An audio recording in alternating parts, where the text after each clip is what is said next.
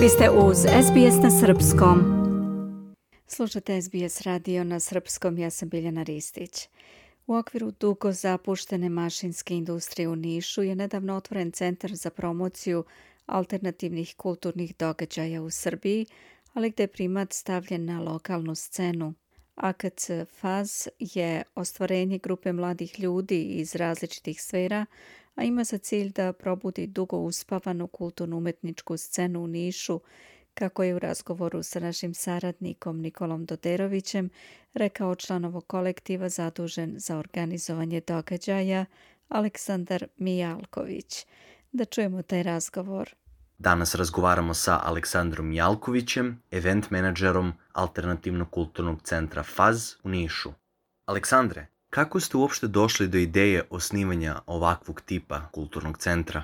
Pa generalno, pošto sam ja iz Pirota, mi smo pre nekih 5-6 godina napravili isto neki klub. Skupilo se par, par nas, imali smo ozvučenje instrumente i kao ono, daj da neki prostor gde ćemo mi prvenstveno da se skupljamo. I onda smo mi te instrumente doneli i to je vremenom preraslo u nešto, nešto šire. Samim tim poznavao sam se sa Duletom iz benda Super Solid i on je delio neke slične ideje. Onda kad sam se preselio, kontaktirao sam ga, počeli smo sa tom pričom, našli još par ljudi iz Vlasotinca koji su isto zainteresovani za tu priču i tako, tako je sve krenulo.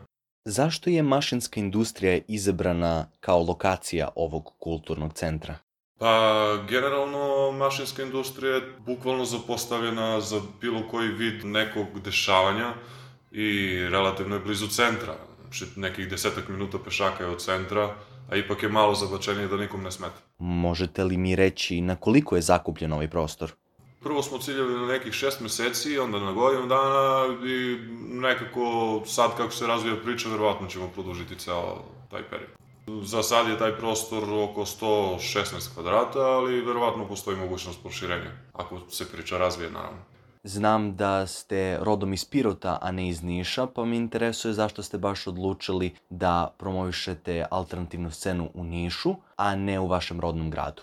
Pa, prvenstveno sam se preselio i zbog posla i iz privatnih razloga, a i generalno u rodnom gradu ta priča koju, koju guramo dole, Znači, ona pije vodu i postoji, ali nije studentski grad. I onda ne, mo, ne može da se digne na viši nivo. Samim tim što je Niš studentski grad i što nema takvih prostora u okolini, mi možemo ovu priču da dignemo na viši nivo i ideja nam je da to bude prostor za sve umetnike grada Niša i okoline, da to bude prostor za udruženja, za tribine, za seminare, projekcije, šta god. Možete li mi reći na koji način se financira sam kulturni centar? Trenutno su sve financije iz našeg džepa. Generalno smo pokrenuli taj promo period koji traje od 1. aprila i na, svakoj, na svakom nastupu, na svakoj svirci imamo kutiju za donacije gde ljudi ostavljaju svoje donacije, minimum 200 dinara ili koliko želi i te donacije idu u nabavku opreme. A koliko vas ima u organizaciji? Nas u organizaciji je trenutno sedmo. Možete li mi reći nešto više o tome kako su vam raspodeljeni sami poslovi? Pa, generalno svako je zadužen za ne, nešto što on voli. Ima par programera, ima hip-hopera, muzičara, svako je za neki svoj, svoj deo posla. Ja sam generalno uh, fotograf i event menadžer i onda sam se tu nekako našao u toj priči da guram tom smeru. Kakvi su vam utisci sa prve večeri? Da li ste zadovoljni interesovanjem koje je pružila publika? Prvo veče je prošlo fenomenalno, mi jednostavno nismo, nismo mogli da verujemo da će tako da ispadne, bilo je nekih po, sam, po našoj proceni 250 ljudi u tom prostoru, skupili smo 58.000 dinara od donacije, što ni na kraj pametni nam nije bilo za jedno veče da ćemo uspeti da skupimo. I ljudi su prepuni entuzijazma, želje da sarađuju, da pomognu prostor, jednostavno svi žele da se ulože u taj prostor. I za kraj, Kakvi su vam dalji planovi za kulturni centar? Da li je bilo priče o proširenju samog prostora ili mogućim sponsorima koji bi financijski osigurali ovu priču? Dalji planovi su nam, znači, u toku je registracija udruženja. Mi ćemo naravno kroz to udruženje konkurisati na razne projekte.